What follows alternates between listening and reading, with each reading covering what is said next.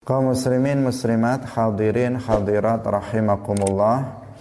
Pada pagi hari ini kita akan mengkaji bagian terakhir dari bab akidah Fasal terakhir dari bagian akidah Dari kitab Sulamut Taufiq.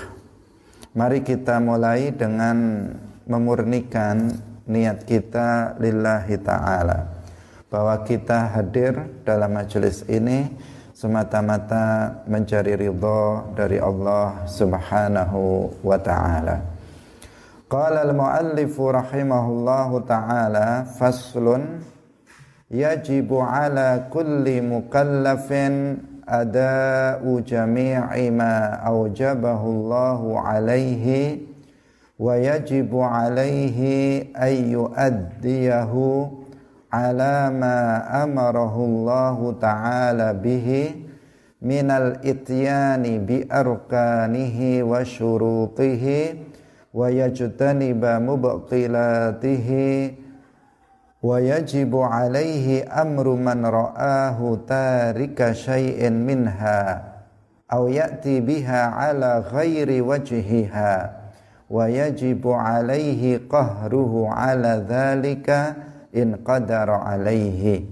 Wa illa fayajibu alaihi al-inkaru biqalbihi in ajaza 'anil qahri wal amri. Wa dhalika adhaful imani ay aqallu ma yalzamul insana 'indal ajzi. Faslun utawi iki iku fasal suici yajibu wajib ala kulli mukallafa ala kulli mukallafin ing atase saben-saben wong mukallaf. Apa? Ada ujami'i ma nglakoni sekabehane barang. Aujabahu kang wis majibaken ing ma sapa Allahu Gusti Allah alaihi ing atase kulli mukallaf ing pira-pira perkara kang batalaken ma. Wa yajibulan wajib alaihi ing atase kulli mukallaf apa amruman merintah wong ra'ahu kang ningali sapa mukallaf ing man tarika syai'in kang ninggal suwiji-wiji minha sangking ma aujabahullah yati utawa teka sapa? Wong pihak kelawan jami' ma aujaballahu alaihi ala ghairi wajhiha. Ing atase sakliyane tata carane uh, ma aujabahullah. Wa yajibulan wajib alaihi ing atase kulli mukallaf apa qahruhu maqsa man ala zalika ing atase mangkono-mangkono ma aujaballahu alaihi. In qadara lamun kuasa sapa mukallaf alaihi ing atase qahruhu. Wa illa lan lamun ora kuasa fayajibu mongko wajib alaihi ing atase mukallaf apa al ingkaru ingkar biqalbihi kelawan atine mukallaf in ajaza lamun apes sapa mukallaf anil qahri saking maksa wal amri lan saking perintah. Wa dzalika lan utai mangkono-mangkono alingkaru biqalbihi iku adhaful iman. Ai aqallu ma tegese luweh setitik setitik e barang yalzamu kang wajib al insana apa ma al insana ing menungso? Indal ajazi ing dalem nalikane apes. Kaum muslimin pemirsa yang dirahmati oleh Allah Subhanahu wa taala fasal ini menjelaskan tentang kewajiban mukallaf yang lain yaitu menjalankan semua kewajiban. Nah, pada awal kitab ini sudah dijelaskan bahwa kewajiban orang mukallaf yaitu orang yang sudah balik berakal, kewajibannya kalau dia itu masih kafir adalah masuk ke dalam agama Islam. Kemudian setelah itu menjaga Islamnya sampai dia mati. Tidak boleh ada keinginan dari dalam hatinya untuk keluar dari Islam, untuk meninggalkan agama Islam. Kemudian yang ketiga adalah menjalankan syariat Islam yaitu dengan menjalankan semua kewajiban dan meninggalkan semua yang diharamkan. Nah, bagian pasal yang terakhir ini adalah menjelaskan bagian yang terakhir ini yaitu kewajiban mukallaf untuk menjalankan syariat Islam. Nah, Mu'alif menjelaskan bahwa wajib bagi setiap orang mukallaf itu untuk menjalankan semua yang telah diwajibkan oleh Allah Subhanahu wa taala.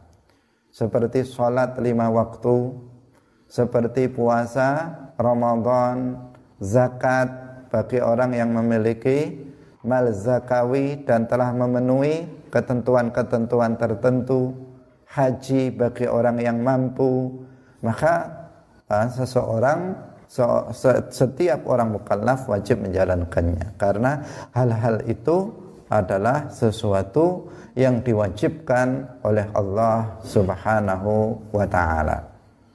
Nah, jadi kewajiban yang pertama terkait dengan masalah ini adalah menjalankan semua yang diwajibkan tanpa terkecuali, nah, bukan bukan kemudian uh, menjalankan sebagian dan meninggalkan sebagian. Misalnya sholat lima waktu hanya menjalankan tiga waktu atau empat waktu yang satu tidak tidak seperti itu, tetapi wajib menjalankan seluruh kewajiban. Nah, salat lima waktu, puasa Ramadan seluruhnya, bukan hanya puasa setengah bulan, tetapi seluruh bulan di bulan Ramadan dan seterusnya. Artinya nah, semua yang wajib wajib dijalankan, bukan sebagian yang wajib, tetapi semua yang wajib wajib untuk dijalankan oleh setiap mukallaf. Nah, tentu di sini yang dimaksud adalah uh, mukallaf yang muslim. Kemudian wa yajibu alaihi ayu addiyahu ala ma amarahu Allah taala bihi. Nah, yang selanjutnya wajib menjalankan kewajiban tersebut sesuai dengan ketentuan syariat Islam. Jadi dia wajib untuk sholat dan wajib menjalankan sholat itu sesuai dengan ketentuan syariat Islam. Bukan sekedar apa? Bukan sekedar sholat-sholatan. Bukan sekedar apa namanya centak-centuk tanpa memperhatikan syarat, rukun dan yang membatalkan sholat. Harus diperhatikan itu. Kenapa?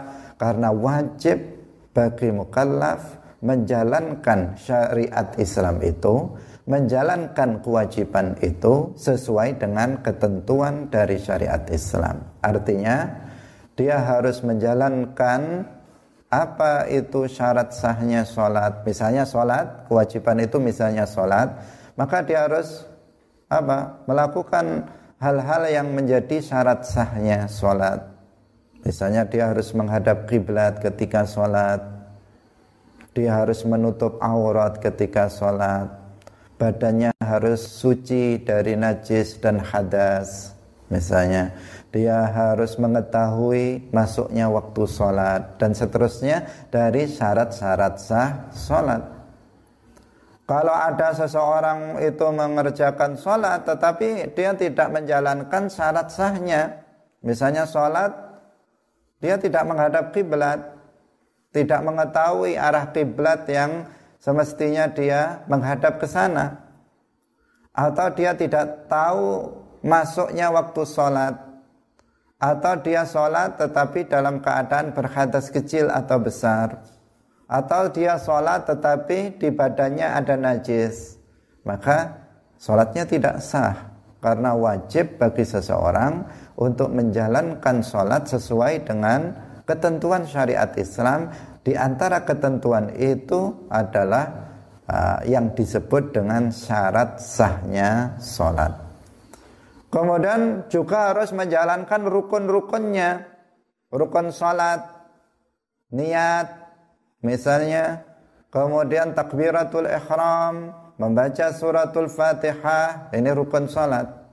Harus dijalankan itu dengan sebenar-benarnya. Nah, kalau ada seseorang asal salat, kemudian dia Eh, misalnya membaca Fatihahnya tidak benar, misalnya dia sujudnya tidak benar, uh, maka di sini apa? Maka di sini seseorang akan apa namanya? Uh, seseorang tidak sah sholat yang dikerjakannya itu tidak tidak sah. Nah, jadi wajib seseorang itu mengerjakan sholat sesuai dengan ketentuan syariat Islam.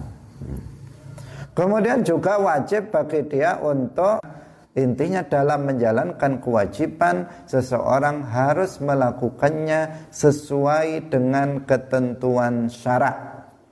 Apabila seseorang menjalankan kewajiban tidak sesuai dengan ketentuan syarak, tidak sesuai dengan ketentuan syariat Islam, maka amalan itu ditolak. Dalam hadis disebutkan man amala amalan man amala amalan laisa alaihi amruna fahuwa raddun barang siapa yang melakukan sebuah amalan yang tidak sesuai dengan syariat kita maka apa? ditolak kalau ada seseorang melakukan sebuah amalan tidak sesuai dengan ketentuan syariat Islam. Artinya apa? Dia tidak menjalankan uh, syarat sahnya dia tidak menjalankan rukun-rukunnya, ah, justru dia melakukan hal-hal yang membatalkannya, maka apa? Ah, maka itu tidak sah, ditolak sholatnya. Man amila, ya lafadznya man amila amalan laisa alaihi amruna fahuwa raddun. Barang siapa yang melakukan suatu amalan, apakah itu sholat, apakah itu puasa, apakah itu zakat atau yang lainnya nah, kalau laisa alaihi amruna tidak sesuai dengan ketentuan syariat Islam fahuwa raddun maka dia tertolak kaum muslimin pemirsa rahimakumullah ini penting untuk diperhatikan karena sebagian uh, orang itu menjalankan kewajiban asal menjalankan nah, dia sholat tetapi asal sholat. Dia puasa tetapi asal mengerjakan puasa. Dia zakat tetapi asal mengeluarkan zakat. Ada sebagian orang dia setiap panen selalu mengeluarkan zakat. Tidak pernah ketinggalan untuk meninggal uh, untuk mengeluarkan zakat. Tetapi apa? Dia tidak menghitungnya berapa berapa yang wajib dia keluarkan juga dia tidak apa namanya uh, tidak dihitung wis pokoknya keluar nah, sebagian seperti itu sebagian orang juga ada yang apa pergi haji pokoknya pergi tanpa didasari dengan ilmu. Sehingga apa? Amalan yang dia lakukan ibadah yang dia lakukan itu tidak didasari dengan ilmu sehingga tidak sesuai dengan ketentuan syariat Islam. Sehingga dikatakan dalam hadis rubba imin laisa lahu min siyamihi illa al-ju' wal 'atash. Wa rubba qa'imin laisa lahu min qiyamihi illa as-sahr. Betapa banyak betapa banyak orang yang sholat tetapi dia tidak mendapatkan apa-apa dari sholatnya. Dia tidak mendapatkan pahala, bahkan sholatnya tidak sah. Yang dia dapatkan hanya dia tidak dia betapa banyak orang puasa tidak mendapatkan dari puasanya itu kecuali hanya apa? Hanya lapar dan dahaga. Dan betapa banyak juga orang yang sholat tetapi dia tidak mendapatkan apa-apa dari sholatnya kecuali hanya nggak tidur malam saja. Selain itu nggak dapat apa-apa, pahala nggak ada. Nah, jadi dia sholat nggak dapat pahala dari sholatnya, nah, bahkan sebagian tidak sah sholatnya. Dia puasa tetapi dia tidak mendapatkan pahala dari puasanya, bahkan sebagian tidak sah puasanya. Ini banyak yang kasus seperti itu. Yang mengatakannya Rasulullah pada zaman Rasulullah. Bagaimana pada zaman sekarang? Banyak sekali orang zahirnya sholat, sepertinya sudah centak-centuk sholat. Tetapi sebenarnya dia belum sholat. Dia belum mendapatkan apa-apa, tidak mendapatkan apa-apa dari sholatnya. Rubba qa'iman laisa lahu min qiyamihi illa sahar. Nah, karena itu di sini mu'alif menekankan wajib bagi setiap mukallaf menjalankan kewajiban satu. Yang kedua wajib bagi mukallaf menjalankan kewajiban itu sesuai dengan ketentuan syariat Islam. Nah, agar sesuai dengan ketentuan syariat Islam, maka seseorang harus belajar bagaimana sholat yang sesuai dengan syariat Islam bagaimana sholat yang bagaimana puasa yang sesuai dengan ketentuan syariat Islam itu tidak bisa dilakukan kecuali dengan ilmu. Dengan belajar. Kaum muslimin rahimakumullah sehingga Rasulullah Shallallahu Alaihi Wasallam dalam hadis yang lain beliau bersabda Sallu kama ra'aitumuni usalli. Sholatlah kalian sebagaimana kalian melihat aku menjalankan sholat. Nah, sholatlah kalian sebagaimana kalian melihat aku menjalankan sholat. Artinya apa? Sholatlah kalian seperti halnya aku menjalankan sholat. Seperti halnya sholatnya Nabi. Jadi kita diperintahkan untuk sholat seperti sholatnya Nabi. Nah, bukan sholat ngawur seperti sholat dia sendiri tanpa mencontoh kepada sholatnya Rasulullah Shallallahu Alaihi Wasallam. Nah, kaum muslimin pemirsa yang dirahmati oleh Allah. Ini juga bagian daripada dalil bahwa dalam menjalankan kewajiban ini tidak bisa sembarangan tetapi harus sesuai dengan ketentuan syariat Islam. Suatu, suatu ketika ketika Rasulullah berada di dalam masjid, ada seseorang masuk ke dalam masjid kemudian dia menjalankan sholat. Setelah selesai dia melakukan apa? E, bentuk sholat seperti orang sholat. Setelah salam dia datang kepada Rasulullah mengatakan wahai Rasulullah aku telah menjalankan sholat. Kemudian Rasulullah mengatakan irji' fasalli kamu baliklah lagi, kamu sholat lagi. Fa innaka lam tusalli. Kamu belum sholat. Nah, orang ini bentuknya sudah sholat. Nah, bentuknya itu sudah sholat, sudah sudah centak-centuk bahasa kita. Nah, tetapi kata Nabi apa? Fa innaka lam tusalli. Kamu belum sholat. Nah ini bagaimana ini? Dia bentuknya sholat tapi dikatakan belum sholat. Kenapa? Karena dia menjalankan sholat belum sesuai dengan ketentuan syariat Islam. Tidak didasari oleh ilmu. Akhirnya orang ini kembali lagi sholat. Setelah salam balik lagi kepada Rasulullah. Rasulullah jawabannya tetap sama. Irji' fasalli fa innaka lam tusalli. Kamu baliklah lagi. Kamu sholat lagi. Kamu itu belum sholat. Nah.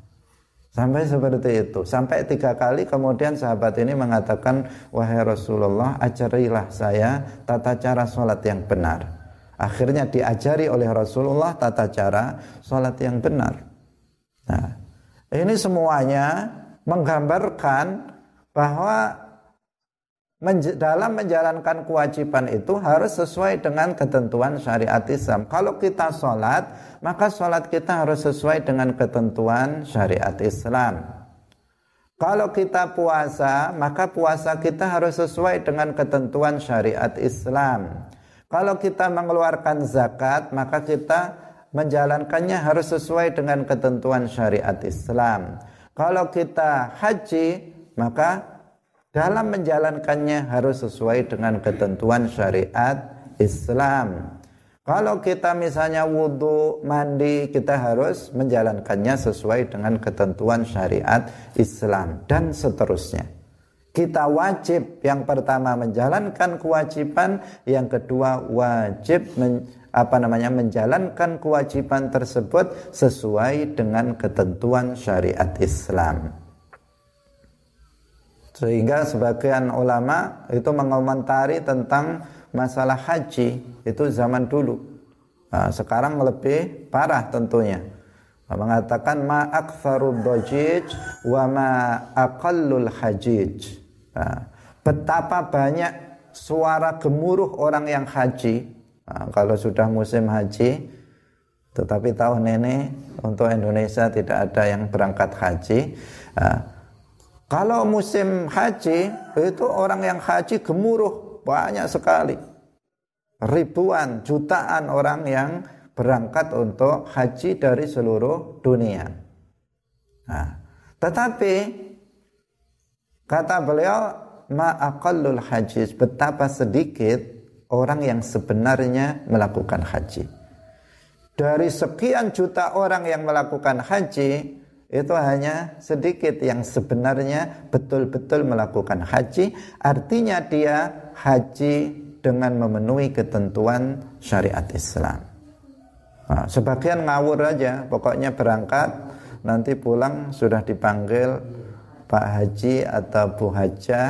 Nah, tetapi apakah dia betul-betul hajinya benar sesuai dengan ketentuan syariat Islam ini uh, belum tentu. Uh, karena itu semua ini arahnya adalah pada pentingnya seseorang belajar ilmu agama. Nah, bahkan pada hal yang terkecil atau yang kecil pun tanpa ilmu akan tidak berfaedah. Azan butuh ilmu. Zikir butuh ilmu. Kalau azan dan zikir tidak di apa namanya dibarengi dengan ilmu, nggak akan sesuai dengan ketentuan syariat Islam, maka akan ditolak berdasarkan hadis yang kita baca tadi. Man amila amalan laisa alaihi amruna fahuwa raddun. Barang siapa yang melakukan suatu amalan yang tidak sesuai dengan ketentuan syariat kita artinya syariat Islam bahwa raddun. Maka dia tertolak mardud. Dia zikir. Nggak sesuai dengan ketentuan syariat asal bunyi saja. Panjang pendeknya tidak diperhatikan makhrajnya tidak ditentu diperhatikan mardud ditolak. Seseorang azan nggak sesuai dengan ketentuan syariat Islam mardud ditolak Seseorang melakukan ibadah apa pun itu membaca Al-Quran nggak sesuai dengan ketentuan syariat Islam merdut ditolak. Nah, maka ini apa? Mengharuskan kita untuk belajar ilmu agama agar sholat kita benar bagaimana, agar wudhu kita benar bagaimana, agar puasa benar bagaimana. Nah, itu semuanya diajarkan dalam ilmu agama, tidak pada yang lainnya. Karena itu uh, mau tidak mau seseorang harus uh, kalau dia ingin ibadahnya itu benar sesuai dengan ketentuan syariat Islam sah dan diterima oleh Allah maka dia harus mempelajari ilmu-ilmu agama uh, untuk apa namanya kepentingan keabsahan dan diterimanya amal ibadah kita. Kaum muslimin pemirsa yang dirahmati oleh Allah Subhanahu wa taala. Ini eh, nggak uh, boleh kita abaikan, eh, nggak uh, boleh kita abaikan. Uh, kita terkadang merasa sangat uh, kasihan uh, kepada mereka-mereka yang uh, memiliki semangat yang tinggi untuk beribadah semangat yang tinggi untuk menjalankan sholat, semangat yang tinggi untuk berzikir, uh, untuk memperbanyak zikir, tetapi sayangnya tidak didasari oleh ilmu, akhirnya dia uh, tidak mendapatkan apa-apa dari apa yang dia lakukan. Uh, sangat kasihan. Sebagian perempuan misalnya ketika dia sholat, dia tidak menutup auratnya karena dia tidak tahu bahwa misalnya uh, dia harus apa namanya menutup dagunya ini agar tidak terlihat auratnya. Dia memakai mukenanya seperti dalam apa namanya kebiasaan uh, memakai jilbab kebiasaan mereka. Nah, semestinya dalam memakai kerudung pun juga seperti itu dengan menutup dagunya ini agar auratnya itu tidak terlihat. Tetapi sebagian sampai sini saja dia dia menutupnya sehingga auratnya terlihat misalnya. Nah, dan masih banyak lagi yang uh, apa namanya yang tidak diperhatikan.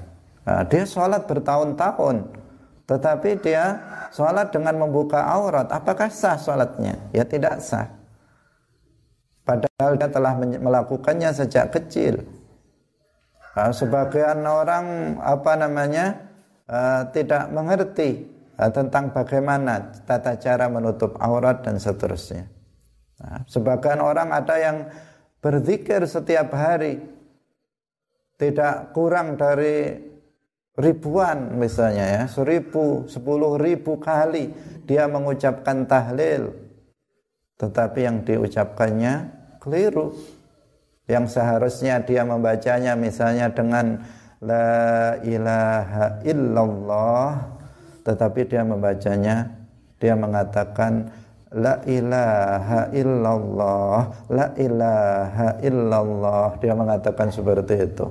Lanya yang harusnya panjang dipendekkan yang merubah makna. Sebagian apa namanya uh, dia membaca itu banyak sekali dengan cepat tetapi sampai haknya hilang. Misalnya dia harusnya membaca la ilaha illallah. Dia mengatakannya la ilaha illallah la ilaha illallah. Haknya enggak ada. Diganti wawu lagi lamnya dan seterusnya. Ini apa? Ini ini enggak dapat pahala. Meskipun sepuluh ribu kali satu juta kali dia membaca maka lebih lebih baik kita membaca satu kali tetapi benar La ilaha illallah satu kali. Kita membaca lafzul jalalah satu kali, Allah mendapatkan pahala. Tetapi kalau ada seseorang membacanya banyak tetapi keliru, dia mengatakan Allah Allah Allah Allah Allah Allah, Allah. nggak ada dapat apa-apa dia. nggak dapat apa-apa. Nah, ini yang yang membedakan ilmu ini yang kemudian menjadikan ibadah seseorang itu menjadi bernilai pahala tanpa ilmu maka kasihan kita melihatnya ke, karena apa? Karena dia nggak akan mendapatkan apa-apa dari yang dia lakukan. Nah, ini Rasulullah yang mengatakannya. Saya ulangi lagi, Rasulullah yang mengatakan man amila amalan laisa alaihi amruna fahuwa raddun. Rasulullah yang mengatakannya. Nah, Bukan kita menakut-nakuti, tetapi Rasulullah mengatakan seperti itu dan kewajiban kita adalah untuk mentaati beliau. Artinya kita harus uh, giat di dalam menuntut ilmu khususnya yang terkait dengan ibadah harian. Nah, ibadah harian yang kita lakukan itu yang harus kita pastikan bahwa yang kita lakukan itu benar. Sedikit tetapi benar lebih ba lebih baik daripada banyak tetapi salah yang lebih baik lagi banyak tetapi benar nah, sudah ibadahnya rajin uh, semua dilakukan benar lagi. Lah ini ini keutamaan bagi seseorang. Nah tetapi jika ada seseorang hanya mampu melakukan sedikit tetapi benar. Kemudian ada orang yang melakukannya uh, banyak sekali karena semangatnya tetapi tidak didasari dengan ilmu maka orang ini akan merugi nah, yang sedikit lebih baik daripada yang banyak tetapi salah dalam melakukannya itu ini yang kualitas ini yang harus di uh, diperhatikan oleh kita. Nah, lebih celaka lagi orang kemudian menganggap bahwa ilmu agama ini tidak penting. Ada sebagian, nah sholat ya pokoknya sholat aja. Yang penting kan hatinya katanya. Yang penting hatinya. Yang penting khusyuk. Khusyuk pun perlu ilmu. Kalau kamu nggak punya ilmu, bagaimana kamu khusyuk? Nah, mungkin kamu hanya berkhayal saja mengatakan bahwa kamu itu khusyuk. Sebagian orang kan seperti itu karena menyembunyikan kemalasannya dalam um, belajar ilmu agama, dia sebenarnya malas belajar ilmu agama. Nggak mau dia belajar ilmu agama karena kesombongannya ketika diarahkan untuk uh, sholat itu harus begini begini. Allah itu kulit itu kulit katanya itu zahir itu. Yang penting hatinya. Padahal kalau dia zahirnya saja sudah seperti itu, bagaimana batinnya? Ini hanya menyembunyikan saja, uh, menyembunyikan apa yang yang sebenarnya uh, kerusakan yang ada pada dirinya. Uh, Rasulullah Shallallahu Alaihi Wasallam memerintahkan kita untuk menjalankan ketentuan syariat itu sesuai dengan ketentu, apa kewajiban itu sesuai dengan ketentuan syariat Islam. Maka kita harus tunduk terhadap Rasulullah dan Allah Subhanahu wa taala. Itulah Islam.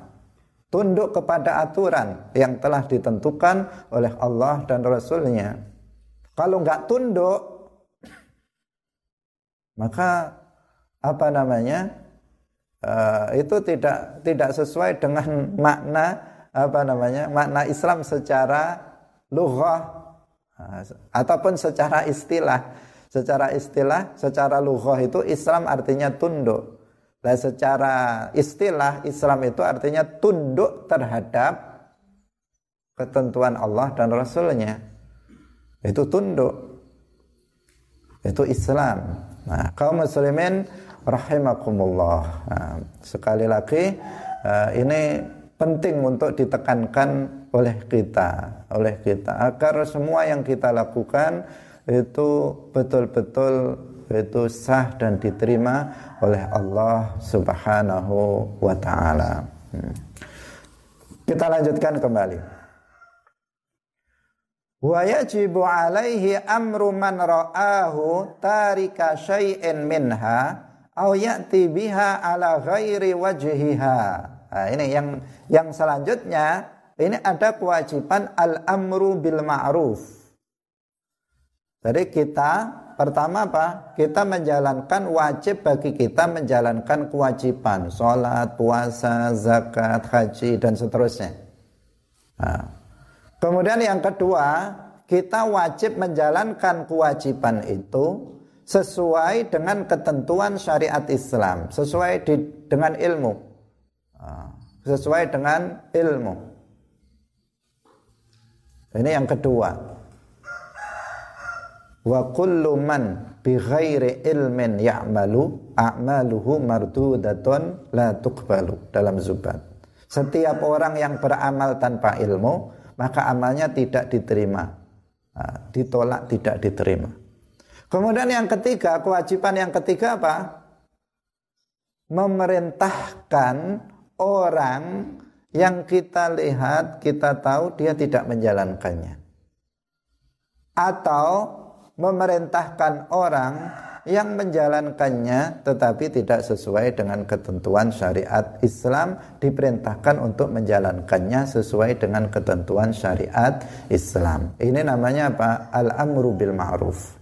Kita melihat keluarga kita misalnya kok nggak sholat lima waktu zuhur asar maghrib kewajiban kita adalah memerintahkan dia untuk menjalankannya sesuai dengan ketentuan syariat Islam kita melihat misalnya uh, tetangga kita masyarakat kita kok tidak sholat misalnya tidak menjalankan sholat kita tahu maka wajib bagi kita memerintahkannya untuk menjalankan sholat puasa dan lainnya, semua kewajiban. Kalau kita mengetahui bahwa dia tidak mengerjakannya, maka tuh apa kewajiban kita apa? Memerintahkan dia untuk menjalankan kewajiban tersebut. Apabila kita mengetahui dia sudah menjalankannya, tetapi tidak sesuai dengan ketentuan syariat Islam. Dia sholat, tapi kita lihat dia sholatnya ngawur misalnya. Baca fatihah kok begitu misalnya enggak enggak benar maka kita wajib memerintahkan dia untuk melakukan sholat sesuai dengan ketentuan syariat Islam. Kamu kalau sholat harusnya begini, begini, begini. Jangan begitu, tapi begini, begini. Sujudnya begini, rukuknya begini, baca fatihahnya begini. Nah, jangan uh, ini syarat sahnya, ini rukunnya, ini apa namanya hal-hal yang membatalkan, jangan kamu lakukan. Nah, jadi kita punya kewajiban itu. Itu kewajiban mukallaf Bukan hanya kewajiban mukallaf itu apa? Bukan hanya kita menjalankan kewajiban untuk diri kita sendiri, kemudian kita mengerjakannya sesuai dengan ketentuan syariat Islam, kemudian selesai. Enggak seperti itu. Bukan hanya terbatas seperti itu. Tapi kita juga memiliki kewajiban yang kaitannya dengan orang lain, dengan dalam masyarakat. Nah, ini penting untuk diingatkan karena bagian yang ini, bagian yang apa al-amru bil ma'ruf ini, ini yang jarang dilakukan oleh orang. Padahal di sinilah kehidupan uh, Islam ini di sini dakwah ini namanya dakwah.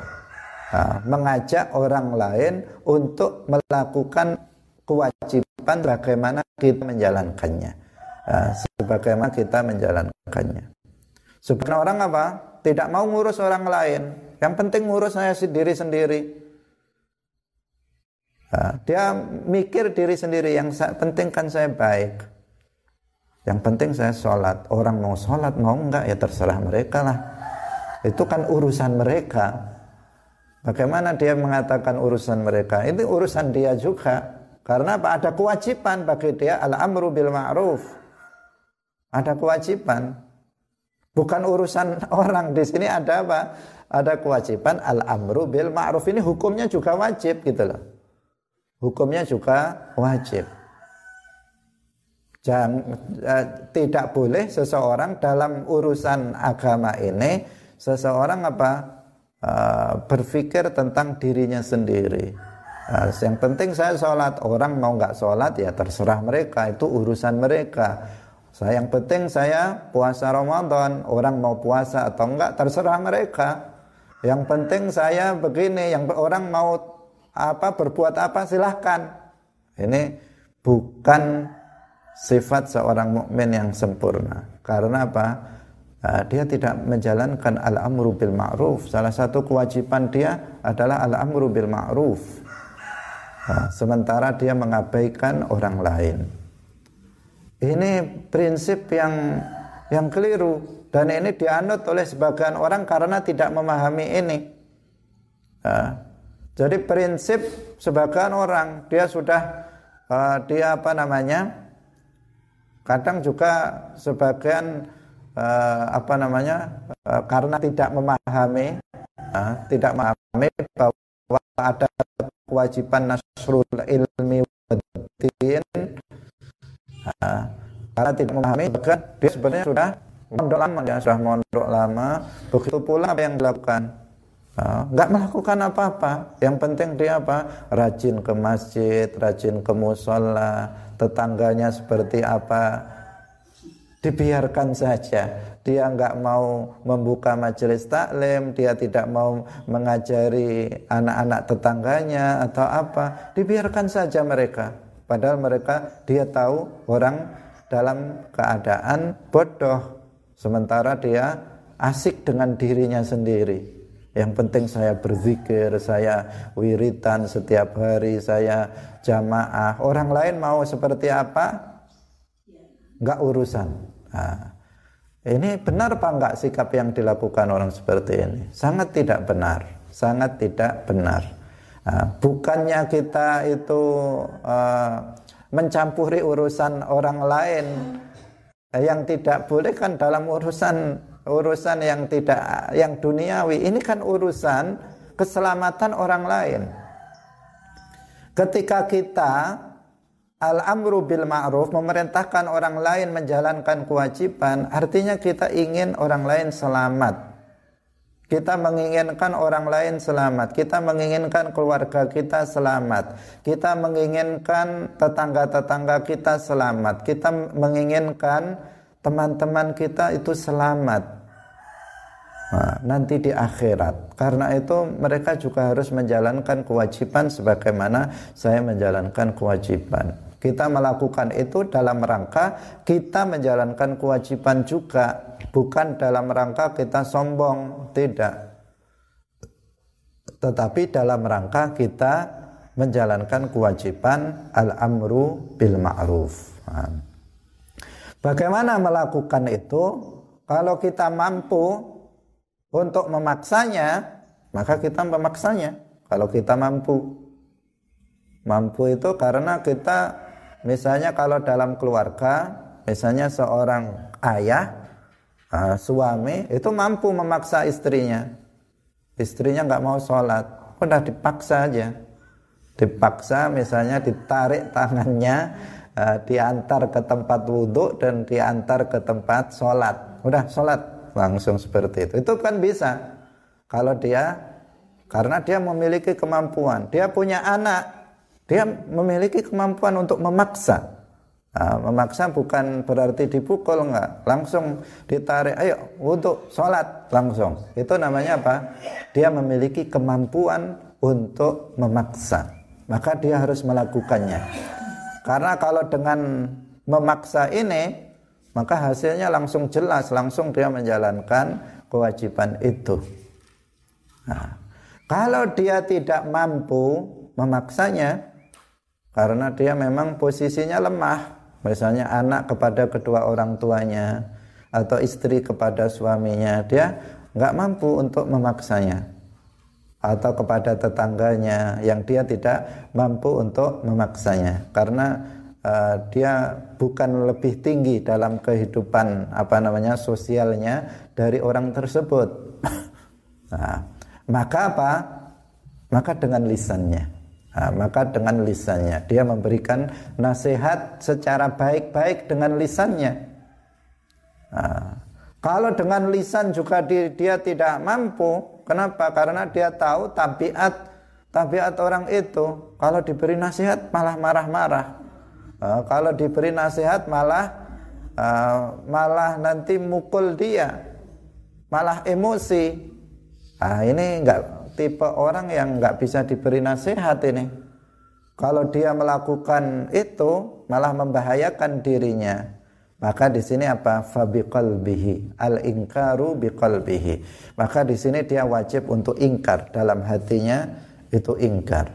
Uh, al-amru bil ma'rufnya dalam hati dia ingkar terhadap uh, dia telah meninggalkan kewajiban tersebut. Uh, dan dikatakan di sini wadzalika ad'aful iman dan itu adalah ad'aful iman. Ad'aful iman di sini bukan berarti uh, bukan berarti lemah imannya, bukan. Uh, bukan berarti imannya lemah, paling melemah tidak. Karena sebagian menerjemahkan hadis, insya Allah besok kita jelaskan uh, itu dengan apa namanya selemah-lemahnya iman secara secara tekstual diterjemahkan. Nah, padahal maknanya itu adalah aqallu ma yalzamul insan indal ajzi.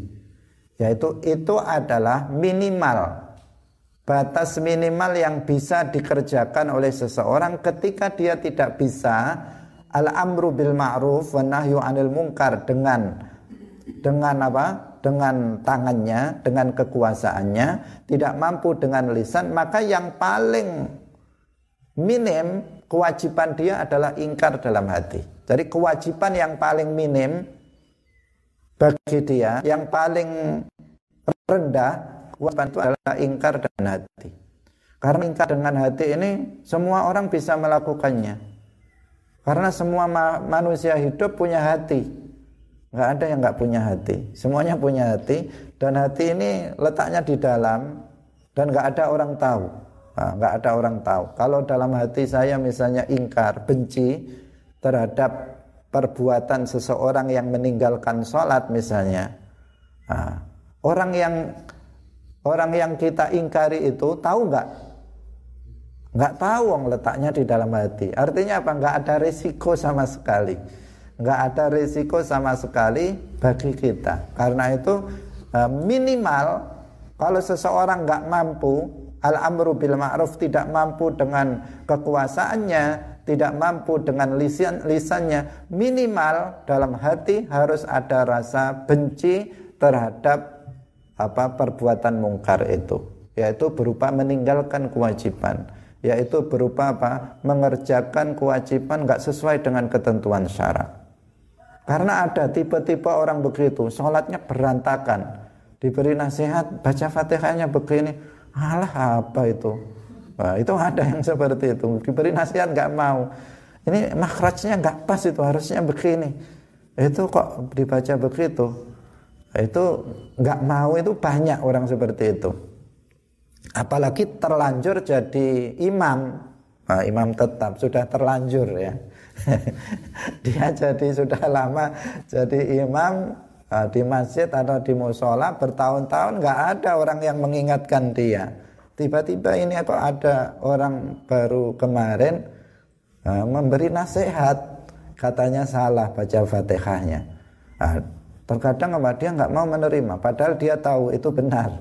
Tetapi karena kesombongannya uh, terhadap orang yang memberikan nasihat itu, dia tidak menerima nasihat itu.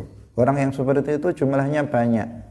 Banyak jumlahnya orang yang sombong sehingga tidak menerima nasihat dari orang lain. Nah, jika kita tahu tipe orang itu adalah tipe yang seperti itu, yang tidak mau menerima nasihat dari orang lain, nah, maka ya sudah kita ingkar dengan hati. Ingkar dengan hati artinya apa? Me melahirkan, menghadirkan rasa benci uh, di dalam hati terhadap kemungkaran yang di, uh, dilakukan oleh seseorang dalam hal ini yang sedang kita jelaskan yaitu kemungkaran berupa meninggalkan kewajiban atau mengerjakan kewajiban tidak sesuai dengan ketentuan syarak. Misalnya ada orang berzikir, berzikirnya ngawur, ah, ngawur dia berzikirnya. Nggak sama sekali nggak ketentuan syarat. Tapi kalau orang seperti ini diberi nasihat ini nggak bisa ini. Biasanya dia nggak mau menerima. Nggak mau menerima. Maka kita uh, apa namanya uh, ingkar dengan hati. Atau kita mencari orang.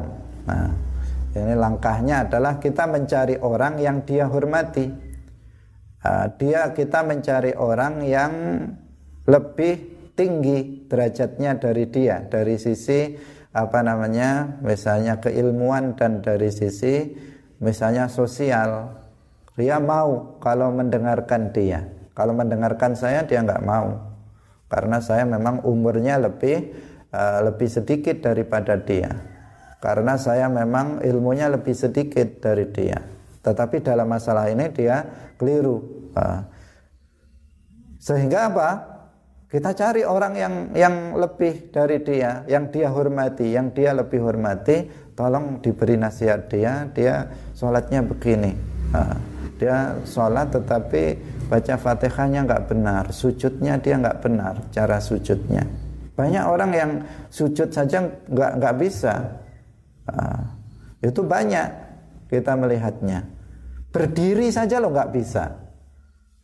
Itu banyak. Jangan dikira semua orang sholat itu sudah benar. Tadi sudah dikatakan ruba qaimin laisa lahu min qiyamihi illa sahar. Cuman tinggal berdiri saja loh, nggak bisa. Saya beberapa kali melihat, misalnya ketika rame-rame sholat Jumat dan sebagainya. Cuman berdiri saja untuk menghadap kiblat itu nggak bisa. Sudah harus dadanya menghadap kiblat, arahnya sudah ke sana, malah diginikan dadanya gara-gara apa entah kenapa entah entah ya kebiasaan mungkin ketika dia takbir tiba-tiba ketika pas belum takbir menghadap kiblat. Ketika sudah takbir malah begini dadanya. Harusnya menghadap kiblat malah menceng dari arah kiblat. Itu masih berdiri. Itu keliru. Bagaimana dengan yang selanjutnya? Itu karena tidak memperhatikan dengan ketentuan-ketentuan uh, syariat Islam ini. Karena tidak belajar sehingga menjadi seperti itu. Nah, karena itu uh, apa namanya?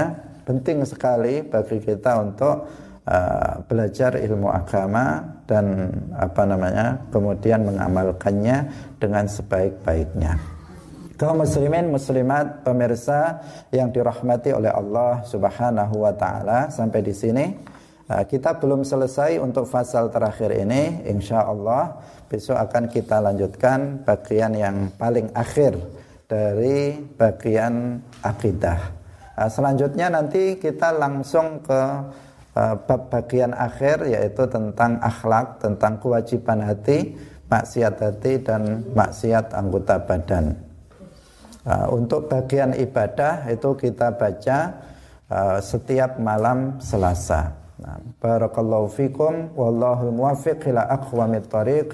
Wassalamualaikum warahmatullahi wabarakatuh.